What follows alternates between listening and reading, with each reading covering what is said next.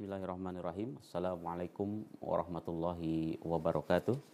Alhamdulillahirabbil alamin wa bihi nasta'in wa ala umurid dunya waddin wa ala alihi wa sahbihi ajmain. Allahumma salli ala Muhammad wa ala ali Muhammad. Alhamdulillah Alhamdulillahirabbil alamin. Segala puji bagi Allah Subhanahu wa taala yang telah memberikan dan melimpahkan berbagai nikmat serta karunia-Nya Allah Subhanahu wa taala yang telah memberikan taufik serta hidayahnya bagi kita semua.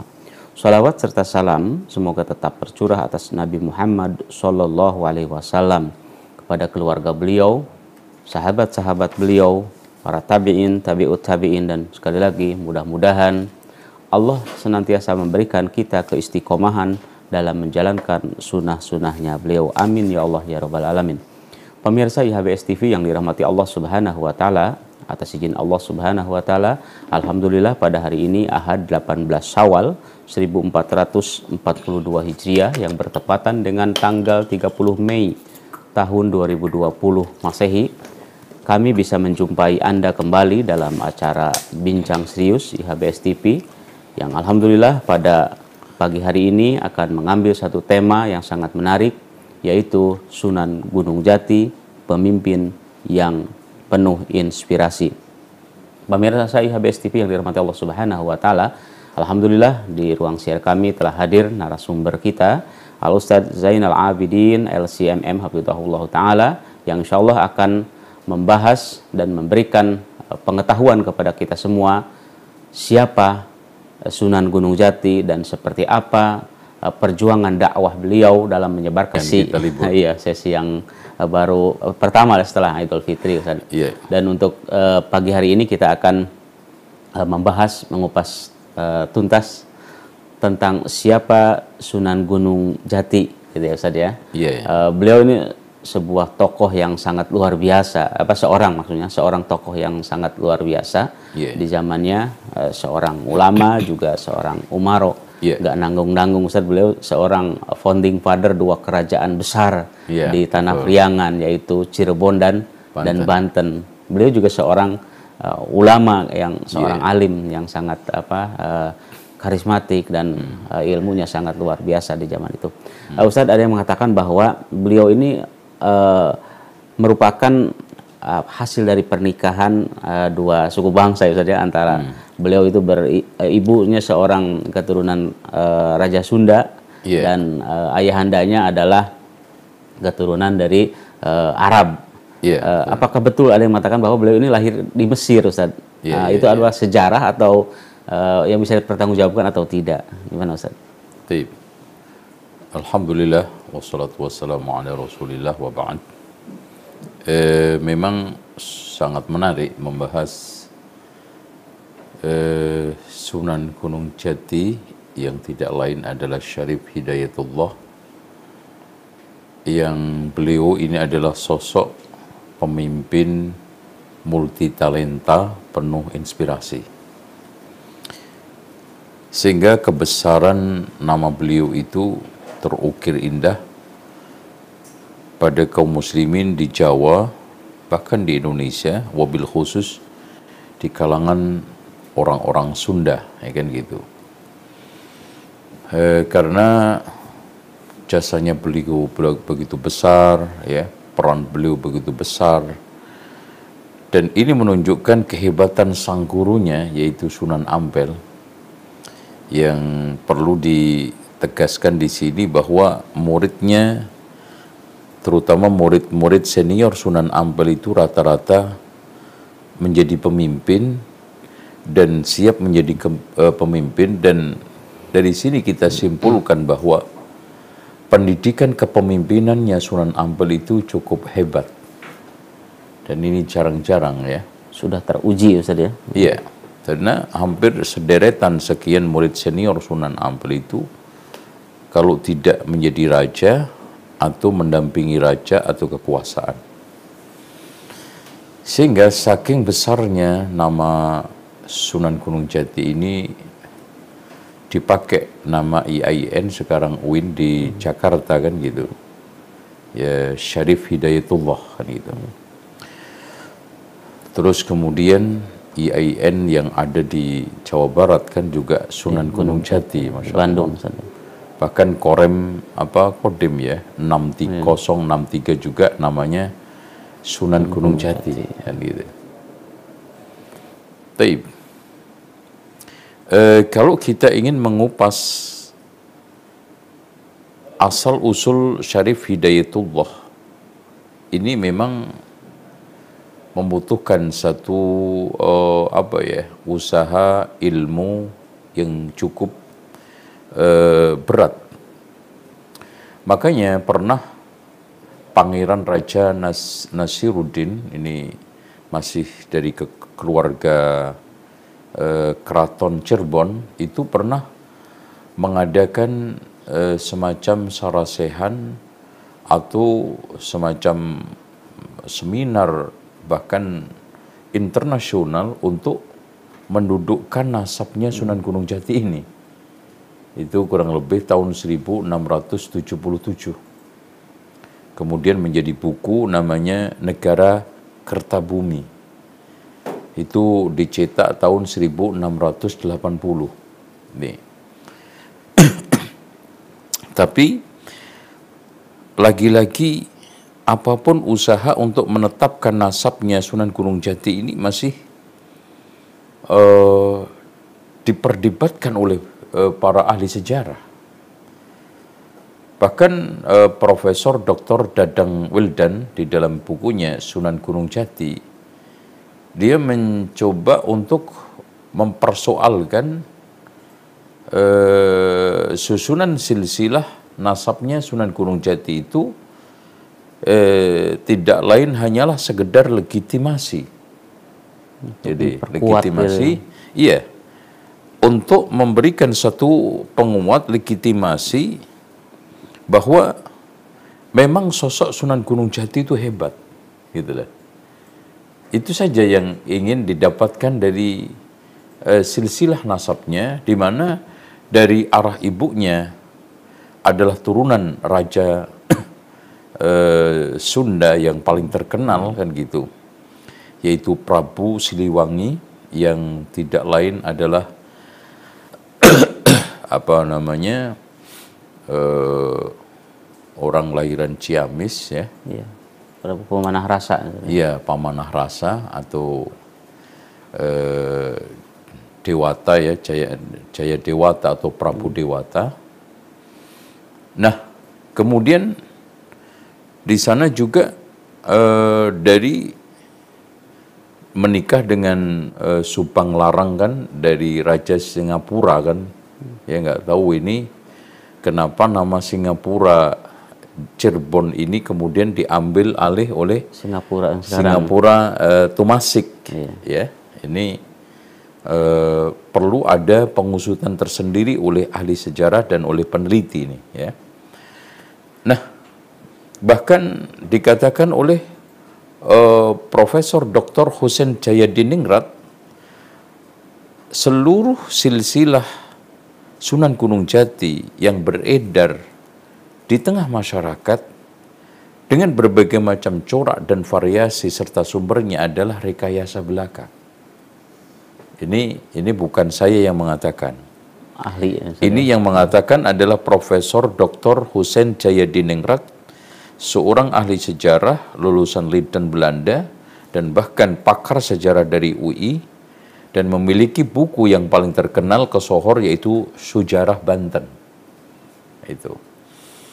Nah, karena e, kalau kita baca minimal itu ada empat versi silsilah itu ujung-ujungnya ketemunya adalah di Ahmad Muhajir ibn Isa Ar-Rumi nanti diusut-usutnya Al-Uraidi, kemudian Muhammad Ja'far uh, Muhammad Abakir bin Ja'far As-Sadiq ibn Ali Zainal Abidun Zainal Abidin uh, bin Husain ibn Ali bin Abi Talib. Ke sana arahnya semua. Muaranya di situ Iya, itu kesimpulannya.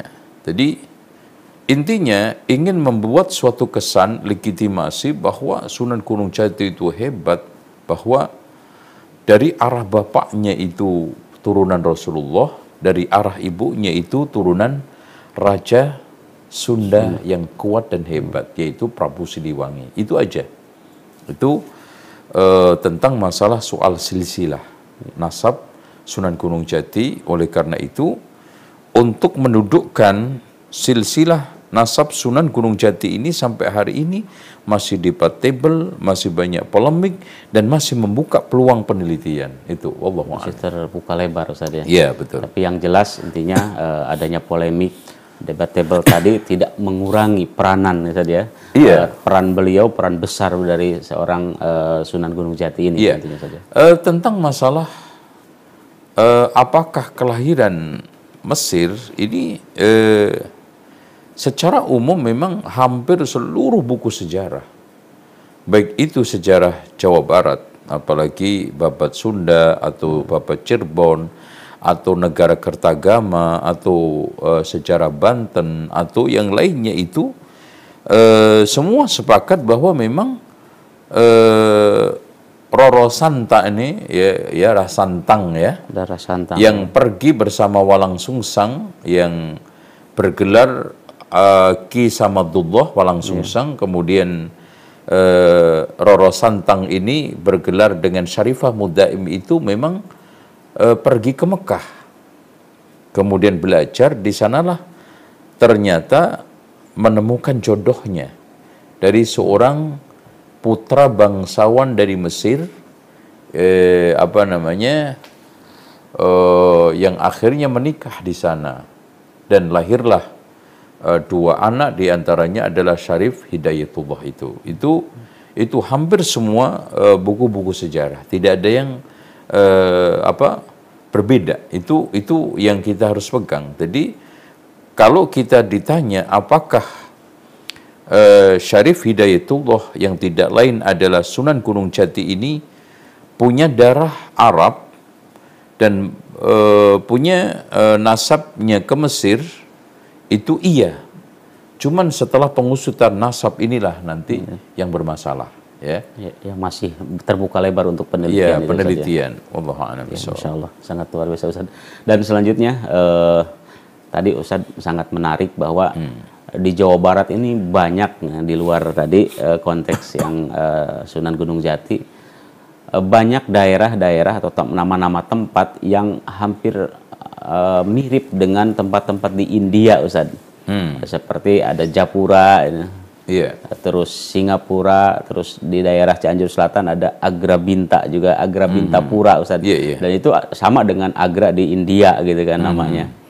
Nah, apakah eh, di zaman itu ya, Ustaz, eh, untuk mendudukan bagaimana eh, sosial kemasyarakatan masyarakat eh, priangan di zaman itu Pajajaran ini memiliki relasi kuatkah dengan eh, negara-negara Hindu di India Ustaz? Ya, eh, perlu diketahui bahwa eh, kerajaan Pajajaran ini memang eh, terkenal, ya, apalagi setelah tenggelamnya Mojopahit, ya, itu Naik gitu Ustaz. ya. Iya, naik daun.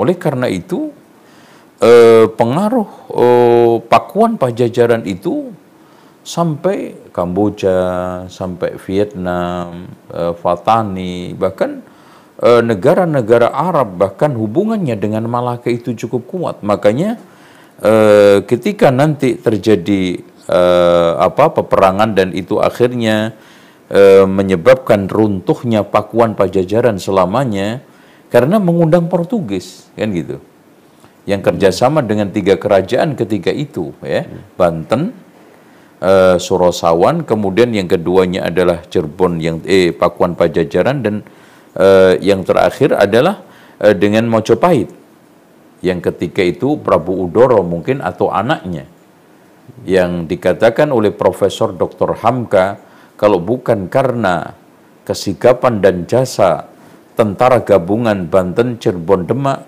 maka Jawa ini akan dijajah selamanya oleh Portugis hampir 500 tahun yang lalu. Kan gitu.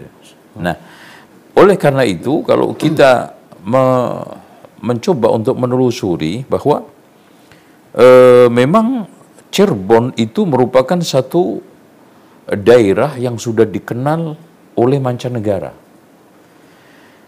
Dikarenakan eh, apa potensial perdagangannya dan potensial pelabuhannya kan gitu kan. Eh, karena pelabuhan di Jawa itu yang paling ramai itu ada empat kan gitu. Yang pertama adalah pelabuhan Banten, tapi tidak seramai dengan pelabuhan pelabuhan Cirebon, kemudian pelabuhan Tuban dan Gresik. Tapi di antara empat pelabuhan ini yang paling terbesar adalah Cirebon sama Tuban, gitu. Dari sinilah pelancong-pelancong mancanegara bahkan dari Cina, bahkan kalau kita lihat orang-orang Cina itu sangat banyak sekali di Cirebon. Bahkan terjadi perkawinan antara penduduk asli dengan Cina itu sangat banyak sekali. Makanya di antara istri eh, Sunan Gunung Jati adalah Ong Tin itu dari Cina, walaupun proses pernikahannya penuh dengan legenda mit, ya. yang sangat tidak masuk akal kan gitu. Eh, bahkan pada waktu saat kita menyoal uh, Raden Rahmat itu kan bahwa di mana uh, di Cirebon itu uh, ada seorang pengusaha besar Cina Awang, kan gitu. Awang. Awang itu. Eh disinyalir oleh sebagian orang A, A, kan orang Jawa orang Sunda kan bilang AH ya. Hmm. Mungkin ah, ma, Awan ya. Terus dipanggil Awang dan itu terkenal sekali juga di Malaka. Bahkan kalau kita mencoba untuk melakukan penelitian di Museum Malaka itu ada nama dia itu di sana. Tertulis juga. Tertulis. Bahkan eh, di dipotretkan, disosokkan eh, dengan eh, replika yang sempurna, yang utuh dan di sana ada tulisan dan aktivitas perdagangan dan usaha bisnisnya gitu kan gitu. Dengan demikian, eh, apa namanya, Cirebon merupakan satu daerah yang hampir mirip dengan Malaka. Satu eh, apa kota metropolitan di zamannya. Sangat Ustaz, metropolis. Jadi eh, Cirebon itu metropolis karena memang di mana pun eh, negara itu kalau maritimnya kuat, pelabuhannya itu bagus, strategis, ketika itu pasti akan maju.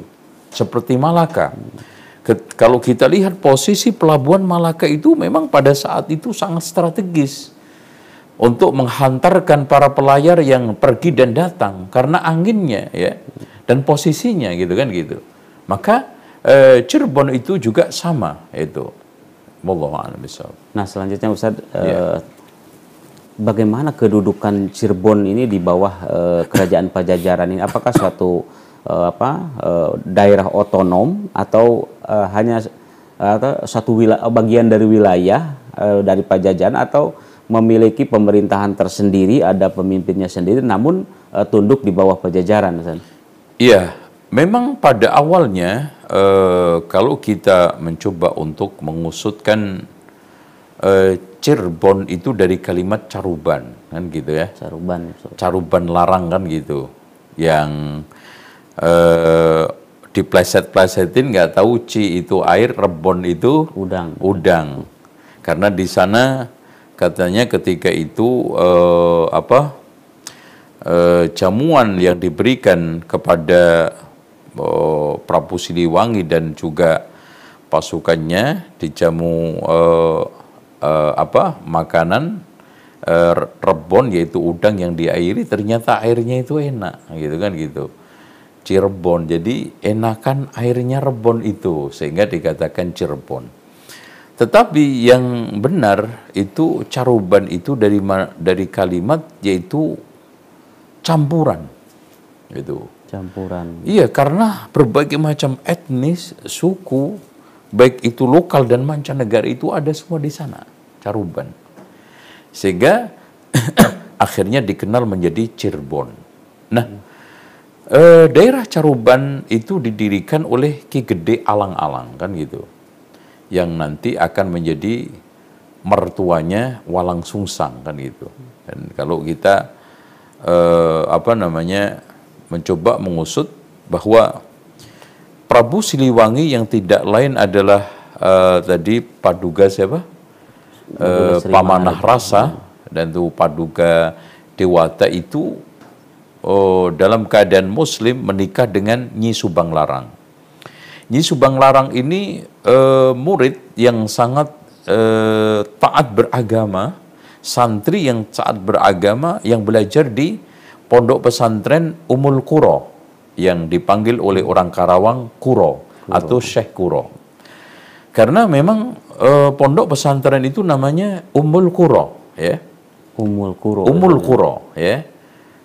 Kemudian orang mungkin eh, hanya mengenal, oh itu loh Syekh Kuro, maksudnya Syekh yang datang mungkin dari Umul Kuro Mekah atau Syekh yang memiliki pondok pesantren Umul Kuro yang Disebut tidak Kuro, gitu. Iya, yang tidak lain namanya adalah Hasanuddin. Bukan Hasanuddin anaknya Gunung Jati, beda itu ya. Karena ini belum lahir otomatis. Yang eh, memiliki anak juga Syekh Bentong, yang Syekh Bentong ini nanti ikut sarasehan yang diadakan oleh Sunan Kiri itu kan gitu. Nah, akhirnya pernikahan dilaku di, diadakan penuh dengan khidmah dan di sini otomatis keduanya ini sudah beragama Islam gitu. Nah, dari pernikahan eh, Prabu Siliwangi dengan Subang Larang ini, Nyai Subang Larang ini memiliki tiga anak, Walang Sungsang, Roro Santang, sama Kian Santang yang tidak lain adalah ini eh, apa eh, Raja Sengoro ya kan gitu. Nah, eh, kemudian dari apa ketiga anaknya ini yang menyantren itu cuma dua. Yang ini ikut bapaknya, yang pada akhirnya Kian Santang itu nanti juga akan masuk Islam kan gitu.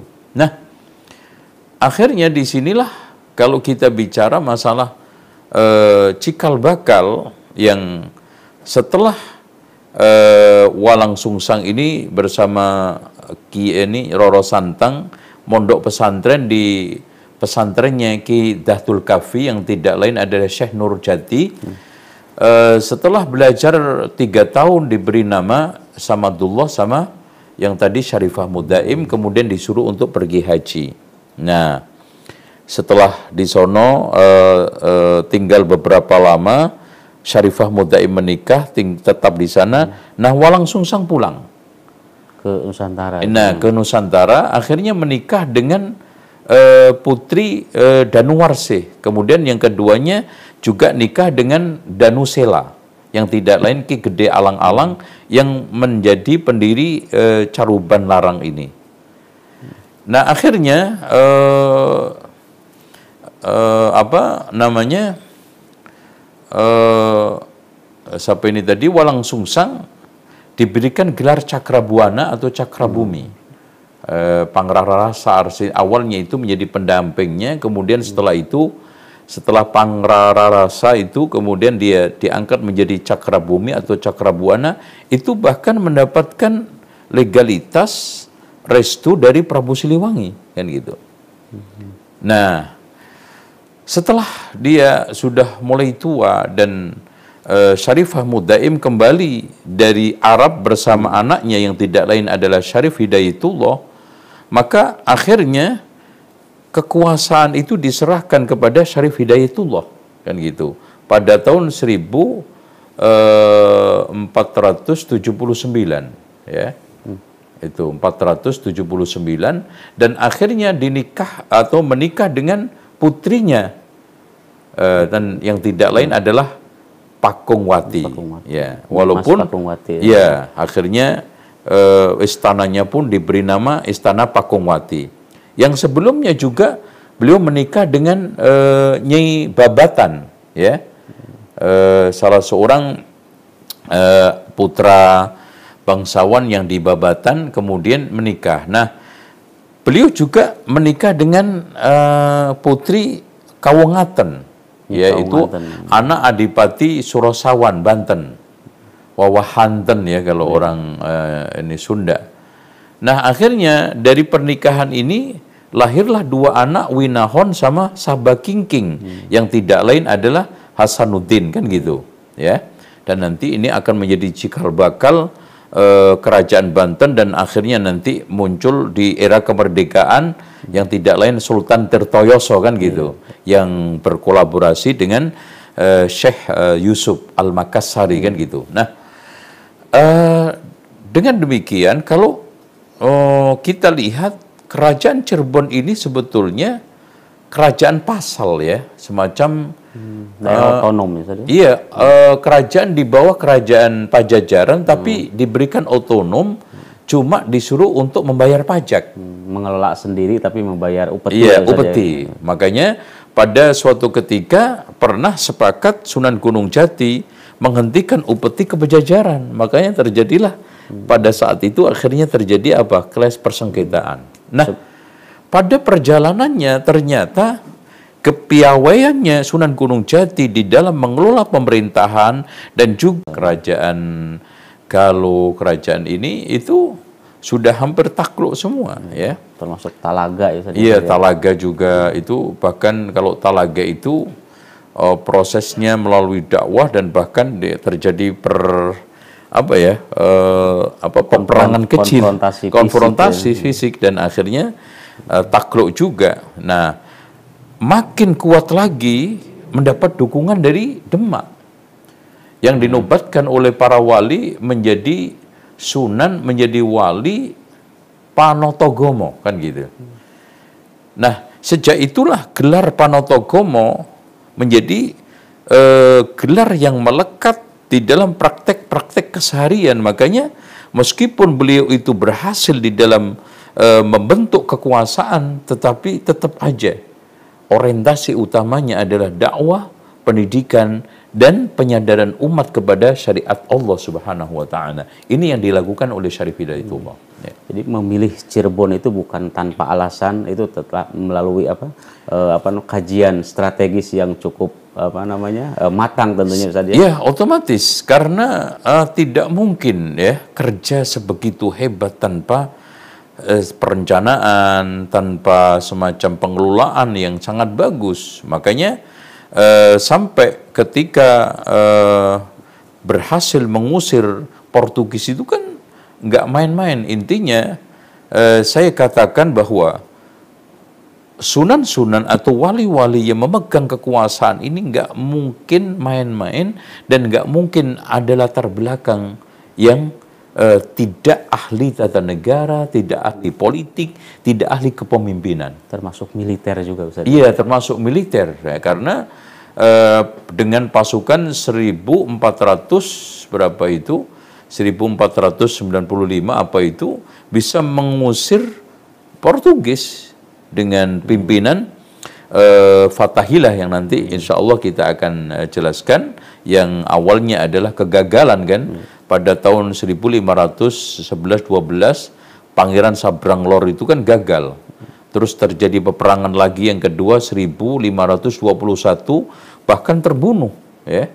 Pangeran Sabranglor yang akhirnya diberi gelar Sabranglor karena meninggal mati syahid insya Allah di e, lautan lor yaitu utara kan gitu kena Mariamnya Portugis. Nah dari sinilah e, akhirnya Pangeran Jaya apa uh, Fatahila itu membuat suatu strategi perang darat dan diundang ke Jawa, itu kan gitu. Hmm. Kemudian uh, ter, apa, konsolidasi yang sangat kuat, sangat matang antara tiga pasukan, yaitu Demak, Cirebon, Banten.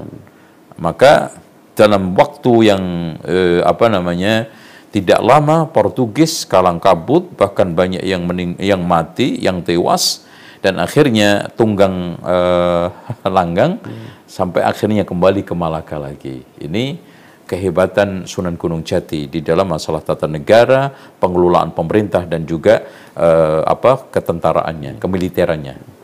Baik kembali lagi Ustaz ke tadi uh, ketika Sunan Gunung Jati memilih Cirebon sebagai basis dakwahnya. Iya, iya Uh, Cirebon ini kan suatu daerah metropolitan di zaman yeah. itu ya di, mm. di bawah kekuasaan kerajaan Pajajaran. Yeah. Tentu ketika kita berbicara suatu daerah metropolitan adalah yang kita bayangkan adalah suatu sistem kemasyarakatan yang mapan gitu saja, yeah. baik sosial, budaya itu. Bagaimana yeah. uh, strategi beliau gitu, berdakwah terhadap masyarakat yang sudah mapan di bawah kekuasaan Pajajaran ini sehingga tidak terjadi friksi kalau kita lihat di literatur literatur sejarah tidak ada eh, semacam penolakan lah terhadap dakwah beliau, bahkan ada konfrontasi fisik gitu kan, misalkan dakwahnya beliau dibubarkan itu kan nggak pernah terjadi. Ustaz. Ini bagaimana strategi beliau? Eh, sebetulnya friksi ada, cuma memang seperti yang eh, pernah pernah saya sampaikan. Karena eh, para sunan, para wali ini kan satu perut.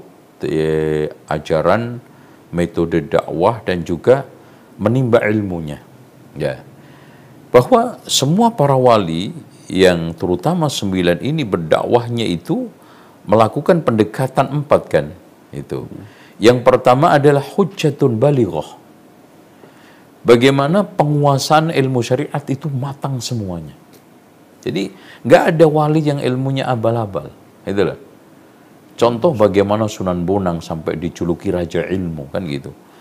Bagaimana kehebatan Sunan Giri di dalam penguasaan ilmu tata negara kan gitu. Dan ini tidak lain adalah canggah utamanya yaitu Sunan Ampel kan gitu. Jadi sehingga dengan kedalaman ilmu terhadap Alkitab wa Sunnah sehingga membuahkan satu dakwah yang eh, apa namanya lebih bisa mengebumi ya lebih bisa eh, berekspresi dia lebih bisa menyelami berbagai macam permasalahan problem di tengah masyarakat baik sosiologinya spiritualisnya dan juga yang lainnya gitu. Bahkan tidak benar eh, orang makin faham agama, makin dalam pengetahuan terhadap syariat Islam itu makin radikal itu nggak benar. Bahkan dia akan lebih cantik, lebih ele- elegan, lebih bagus di dalam berdakwah itu. Yang keduanya adalah pendekatan al-akhlaku as-samiyah. Nah ini, masya Allah. Jadi akhlak yang sangat tinggi. Gitu. Jadi al-akhlaku samiyah ini adalah yang menyebabkan Sunan Ampel bisa diterima di Surabaya meskipun dalam kondisi masyarakat pribuminya yang masih Hindu-Buddha animisme. Begitu juga Sunan Gunung Jati. Begitu juga eh, Sunan Bonang dan yang lainnya. Al-akhlaqu samia dan memang itu pesan baginda Rasulullah dan itu yang ditekankan oleh Rasulullah innama bu'istu liutammima makarimal akhlaq gitu. Kemudian yang tidak kalah pentingnya adalah al-asalib. Ya. Al-asalib uslub uslub yang sekarang ini adalah uh, apa ya kalau kita bisa bilang al-asalib uh, al-hakimah ya itu. Yang uh, uslub-uslub satu cara-cara yang hikmah kan gitu. Itu. Nah, kemudian yang tidak kalah pentingnya adalah satu al-adilah dia mencoba untuk menggunakan siat-siat yang adil, siasat-siasat yang bijak. Dari empat pendekatan inilah maka para wali termasuk Sunan Gunung Jati ini berhasil. Bukan tanpa friksi ya, tapi bagaimana beliau itu punya cara-cara yang sangat piawai, punya uslub-uslub yang sangat bijak, punya siasat-siasat yang sangat elegan, adil untuk mengatasi itu. Itu itu yang penting. Sehingga uh, permasalahan-permasalahan baik itu kaitannya dengan kemiliteran, terus koordinasi antara timur dengan barat, kemudian yang tidak kalah pentingnya bagaimana memapankan menapakkan kekuasaan Islam di Banten yang awalnya adalah kekuasaan Pajajaran ya. Dan bagaimana pembagian ini? Nah ini ini lagi-lagi perlu disoroti ya. E, kalau kita mungkin ala reformasi ini nepotisme, tapi karena Sunan Giri itu bukan orang yang gila jabatan dan kekuasaan, makanya meskipun kekuasaan begitu hebat, beliau tidak memiliki istana yang megah, yang begitu juga Raden Patah, bahkan Raden Patah itu istananya yang masjid itu, ya dibagikan Raja Banten, eh, kerajaan Banten diserahkan kepada anaknya Hasanuddin. Bukan sini nepotisme, KKN tidak. Tetapi di sini lebih pada kepercayaan. Berdasarkan kompetensi juga. Iya, kompetensi juga. ya Yang tidak lain, eh, memang Hasanuddin ini adalah seorang yang profesional. Seorang yang sangat eh, kuat uh, di dalam kepemimpinannya dan kemiliterannya dan juga pengko, ini wirausahanya, entrepreneurnya kan gitu. Terus kemudian ketika Sunda Kelapa ditaklukkan oleh Fatahila yang menurut lesannya orang Portugis Falatehan itu dirubah menjadi Jayakarta itu kan akhirnya diangkat oleh beliau Falatehan Fatahila untuk menjadi penguasa di Jayakarta yang Cirebon sebagai pusatnya dipegang oleh beliau sendiri ya. Nah untuk menguatkan lagi beliau melakukan besanan kan gitu. Di antaranya putrinya yaitu Putri Ayu dinikahkan oleh eh, dengan Pangeran Sabranglor yang tidak lain adalah Pati Yunus kan Pati Yunus yaitu uh, Muhammad Yunus Abdul Qadir Nama yang aslinya. ya itu apa namanya yang uh, disebut oleh orang Portugis Patih Koiter itu Dari Ini- Abdul Qadir. Iya Abdul Qadir Koiter. Nah ini. Terus kemudian setelah meninggal dunia supaya juga di sini ada koordinasi dan hubungan biologis maka Putri Ayu ini juga akhirnya dinikahkan dengan Fatahila. Nah, itu kan gitu. Jadi Fatahila menikah dengan Putri Ayu jandanya Sabranglor kan gitu. Ini. Nah, ini semuanya dilakukan oleh Sunan Gunung Jati bukan lain tidak lain adalah untuk memapankan agama Allah Subhanahu wa taala lewat kekuasaan itu. Jadi seperti itu ya. Wallahu a'lam.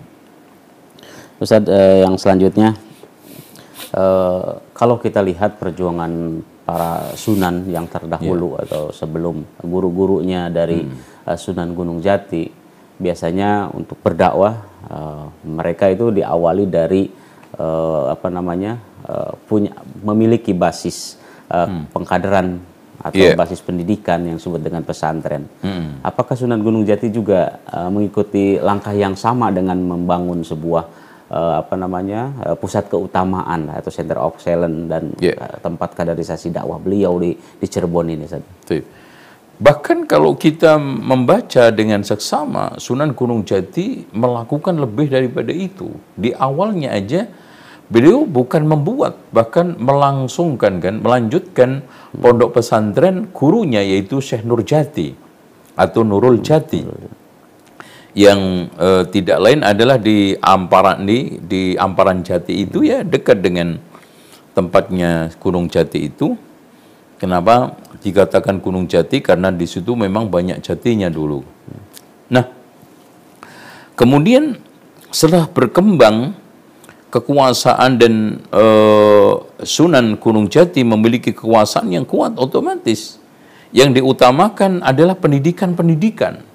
Nah, Itu kan gitu. Nggak mungkin sekarang ada saluran untuk menyebarkan ilmu selain pada eh, lembaga pendidikan. Namun yang kita sayangkan, kita tidak menemukan data arkeologi tentang bekas-bekas pondok pesantren yang didirikan oleh atau lembaga pendidikan yang didirikan oleh Sunan Gunung Jati. Bahkan kalau kita lihat bekas-bekas daripada kerajaan Cirebon itu pun tinggal sedikit sekali. Ya. Kalau sekarang eh, pesantrennya Syekh Nur Jati itu pun sekarang tinggal kuburan. Itu kan gitu, tinggal kuburan sekarang. De- Demikianlah nasib-nasib sekolah-sekolah besar seperti Madrasah Nidhamiyah yang melahirkan ulama-ulama ketika itu dan bahkan kepala sekolahnya aja orang ulama-ulama di antaranya Abu Ishaq As-Sirazi, Imam Abu Hamid Al-Ghazali dan juga di antaranya adalah eh, Al-Is bin Abdul Salam, eh, Ibnu Hawqal ya, Al-Bairuni ya, Ibnul Jauzi juga pernah. Itu sekarang jadi tempat penjualan toko sepatu. Tuh. Bahkan di sana tempat eh, nyulam sepatu-sepatu bekas itu di Baghdad itu. Jadi nasibnya seperti itu. Nah, oleh karena itu eh, kita tidak ingkari bahwa dengan gelar Panata Panotogomo bahwa Sunan Gunung Jati adalah penata agama syariat Allah itu, maka itu tidak mungkin terwujud kecuali ditata lewat lembaga pendidikan. Namun masalahnya itu tadi, ya. Wallahu a'lam bishawab. Nah selanjutnya Ustaz berarti di sini ada suatu apa namanya penyebab tentunya tidak eh, kontinunya sebuah lembaga pendidikan padahal kalau kita merujuk kepada sejarah tadi Iya. eh, para sunan ya, para wali songo ini telah meletakkan pondasi dasar sistem pendidikan apa Islam yang sangat luar biasa di zaman itu Namun sangat disayangkan tidak terjadi kontinuitas gitu ya Ustaz.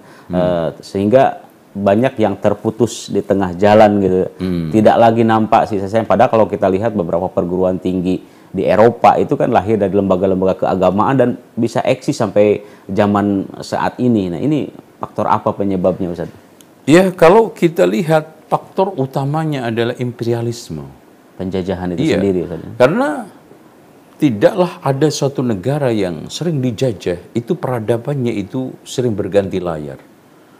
Dan di mana pun negara yang jarang dijajah seperti Turki, itu makanya peninggalan-peninggalan masih utuh. Makanya eh, kata Nurholis Majid bahwa kalau bukan karena imperialisme dan penjajahan, maka yang ada itu bukan Universitas Indonesia, bukan Universitas UGM, bukan universitas ini, tapi universitas eh, langitan mungkin, universitas eh, apa namanya Tambak pondok, sari, iya, ya. pondok-pondok itu semuanya, ya, karena eh, sebelum penjajahan itu pendidikan kita itu sudah cukup eh, mapan gitu. Pada era Wali Songo bahkan eh, di akhir-akhirnya itu masih eksis semuanya. Nah, dengan berbagai macam peperangan-peperangan, terutama di era Mataram Islam, itu kan sering terjadi peperangan yang itu menghabiskan energi otomatis. Bahkan kalau kita lihat Parekrek aja itu kan coba bayangkan perahu-perahu kapal yang harusnya untuk mengangkut komoditas dagang digunakan untuk mengangkut pasukan. Ya, petani-petani yang harusnya sibuk memakmurkan sawah akhirnya ikut-ikutan perang sebagian untuk diwajibkan perang.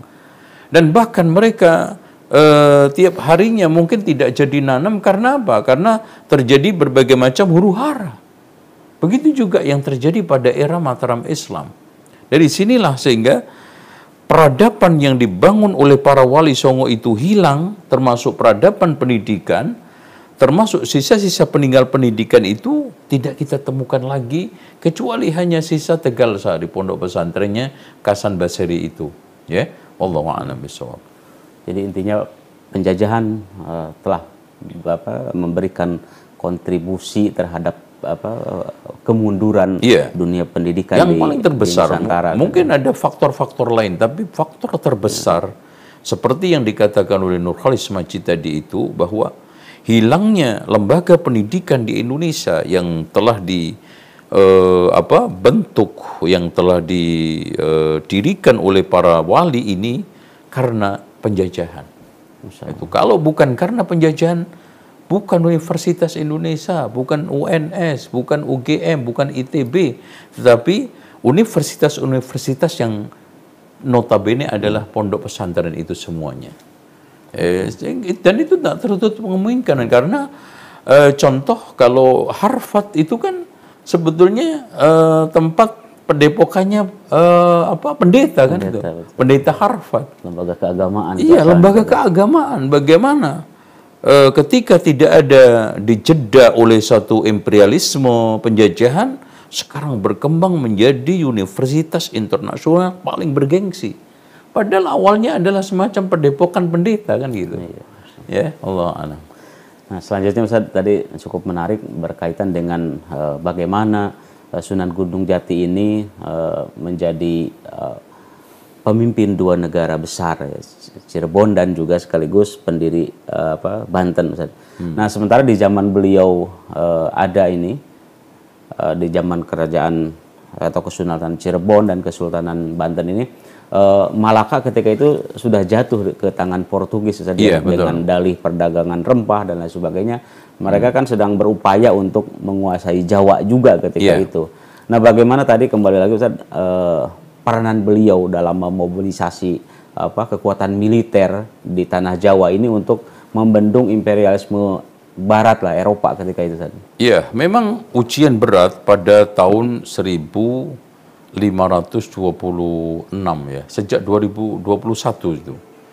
Bahwa eh, Sunan Gunung Jati bersama eh, ketika itu adalah Trenggono di Demak, kalau di Banten putranya Hasanuddin mendapatkan satu tantangan dua, internal sama eksternal. Gitu ya. Internal di mana kerajaan Mojopahit itu berselingkuh bersama Pakuan Pajajaran bersama uh, Surosawan bekerja sama mengundang Portugis ke Jawa. Tuh. Ini yang yang apa namanya menjadi ber... meskipun uh, Sunan Gunung Jati berusaha untuk menundukkan dengan cara menikahi putri bangsawan Mojopahit yang uh, putri Tepasari itu kan gitu, Nyai Tepasari ya, Tepasan itu kan gitu. Jadi Tepasari itu adalah uh, putri kerajaan Mojopahit. Tapi masih tetap ya bekerja sama dan ini bukan periode ayah ini kakeknya, buyut yuyutnya ya, hmm. bukan. Sudah menantunya. Ya. Begitu juga Mojopahit itu sudah anaknya Udoro mungkin ya. Nah, di sini mencoba untuk kerjasama berselingkuh menjual Jawa kepada Portugis. Dan tidak lain semuanya ini di dalam rangka untuk menghentikan laju eh, perkembangan pesat kerajaan Cirebon. Kalau yang di timur Demak, kemudian yang di barat adalah eh, Banten. Banten. Itu saja maka dengan uh, apa namanya kecerdikan dan, dan kesigapannya Sunan Gunung Jati secepatnya melakukan koordinasi dengan Demak. Apalagi di sana uh, ada seorang yang dijuluki oleh beliau sendiri seorang pangeran gagah perkasa otot kawat barung wesi yaitu yang tidak lain adalah Fatahila yang memang beliau punya pengalaman perang dengan Portugis di Aceh yang gagal. Waktu di Pasai itu saja. Iya, waktu di Pasai. Jadi memang Fatahila ini memiliki dendam tersendiri ya. E, memiliki dendam tersendiri, pengalaman terpahit tersendiri dengan Portugis. Tapi beliau juga memiliki pengalaman strategi kelemahan-kelemahan musuh dan kelemahan-kelemahan di mana diperbaikilah ketika perang Jawa itu. Makanya eh, akhirnya kumpullah pasukan kurang lebih 1.400 pasukan dari yang terkumpul dari Demak, kemudian eh, Cirebon, kemudian setelah itu eh, apa namanya Banten. Ini menurut data yang telah dibuat oleh Bapak Cirebon ya. Itu eh, dengan demikian eh, terjadilah perang darat, kemudian strategi-strategi itu di e, dipakai ya. Kelemahan-kelemahan itu dicoba untuk dibaca dengan baik dianalisa dengan baik semu, e, supaya menjadi kekuatan. Sehingga ketika itu Fatahillah sudah menerapkan SWOT ya. Hmm. yaitu kan? E, tantangan hambatan hmm. ancaman dan e, apa? Gangguan e, itu. Itu jadi sudah. Sehingga akhirnya pada tahun 1527 menang Tela dan akhirnya Sunda Kelapa dirubah menjadi Jayakarta yang dalam bahasa Arabnya adalah Fathun Mubin yaitu kemenangan yang nyata yang e, keberhasilan itu akhirnya membuat musuh musuh-musuh termasuk Portugis di Malaka itu memperhitungkan kekuatan kerajaan Cirebon akhirnya. Ya. Gitu. Padahal waktu itu Portugis ini jagoannya perang laut saja. Ya. Iya, apalagi Alfonso ya. Albuquerque, Albuquerque kan itu itu jago perang laut. Makanya uh, Fatahillah nggak mau perang laut dia, mencoba untuk menghindar karena Albuquerque ya Alfonso itu uh, sangat hebat, bengis dan kalau kita lihat manusia paling sadis. Hmm. Ya. Makanya siapa pun yang berhadapan dengan uh, Alfonso ini berhitung 10 kali. Hantu laut ya Ustaz. Iya. Iya, di, dikatakan hantu laut atau mungkin lebih daripada itu. Iya. Tapi subhanallah ternyata Fatahila Falatehan sanggup memukul uh, mundur bahkan kalah tela dan akhirnya menang sehingga Sunda Kelapa dikuasai oleh kaum muslimin. Dan Portugis kembali lagi ke apa ke base camp mereka di ya, Malaka ketika dan itu dan itu tidak pernah kembali lagi. Ustaz. Terjadi pada tahun 22 eh pada tanggal 22 Juni 1527. Ya. Makanya menurut sebagian ahli sejarah sehingga uh, hari ini dijadikan hari ulang tahun kota Jakarta ya, kan hari gitu. lahirnya kota Jakarta Iya.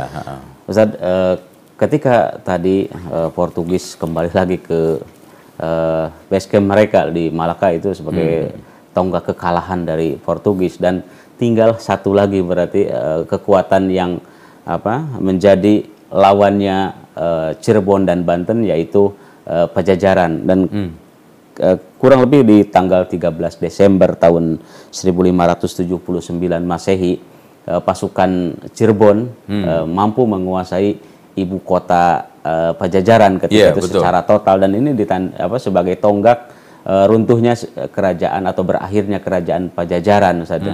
Nah, eh, apa dampak signifikan dari apa eh, berakhirnya kerajaan dan kekuasaan Pajajaran terhadap dakwah Islam di Priangan, Ustaz? Oke, ya. Otomatis dari situ ada kemenangan dan keluasaan di dalam menyebarkan Islam. Dan akhirnya eh, Islamisasi di Jawa Barat itu sudah sampai pada puncaknya. Meskipun di sana ada barisan yang sakit hati ya, yang akhirnya ada kelompok-kelompok minoritas yang masih mengkultuskan eh, Hindu Budanya, Siliwanginya, yang membentuk eh, kelompok-kelompok kebatinan ya, itu itu masih ada ya. Eh, beberapa kelompok kebatinan yang di Sunda ini yang lebih mengagungkan eh, Siliwanginya dari sisi Sunda, dari sisi Hindu Budanya. Itu ada. Meskipun begitu, secara mayoritas bahwa eh, keberhasilan Cirebon ini di dalam menapakkan peradaban pendidikan, makanya pesantren terbanyak itu di Jawa Barat. Itu kan gitu. Itu satu. Kemudian yang keduanya Islamnya itu lebih Islam murni. Makanya maaf dari sisi sisi abangan kebatinan itu kecil.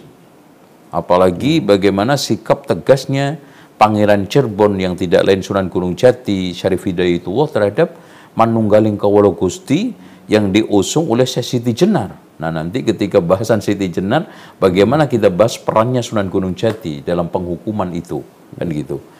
Terus kemudian yang juga bisa kita petik bahwa eh, di mana eh, kekuasaan itu akhirnya kita kembalikan kepada Allah Subhanahu wa taala. Bagaimana kita gunakan alat untuk meraih surga ridho Allah dengan cara apa meneguhkan syariat Allah, ya, membumikan syariat Allah, menyebarkan ajaran Al-Quran dan Sunnah itu yang terjadi. Allah. Baik Ustaz, sangat menarik nih perbincangan kita. Namun kita tentunya hari ini dibatasi oleh eh, durasi waktu Iya, iya. eh, jam tayang Ustaz. Eh, namun sebagai penutup Iya iya. eh, Sunan Gunung Jati ini kan sebagai sosok historis, Iya. intelektual dan mubalik ya Ustaz ya yang Iya, iya. memiliki apa eh, kelebihan, eh, keutamaan peranannya itu dalam eh, apa dakwah Islam di tanah Priangan Ustaz. Eh, beliau memilih peranan kalau kita lihat eh, lebih kecenderungannya kepada sebagai mubalik daripada seorang eh, birokrat Ustaz. Iya, iya. Apa eh, hikmah yang bisa kita petik, kita ambil bagi generasi selanjutnya eh, dari dakwah beliau Ustaz, dan juga sebagai seorang kepala negara dari sosok beliau ini. Iya, ya hikmah utama pertama bahwa di sinilah Sunan Gunung Jati pada khususnya dan para wali pada umumnya tidak ada ambisi kekuasaan. Bahkan beliau-beliau ini sangat paham sekali larangan Rasulullah untuk cinta pada kekuasaan. Di mana Rasulullah SAW mengatakan kan innaha amanatun. Gitu.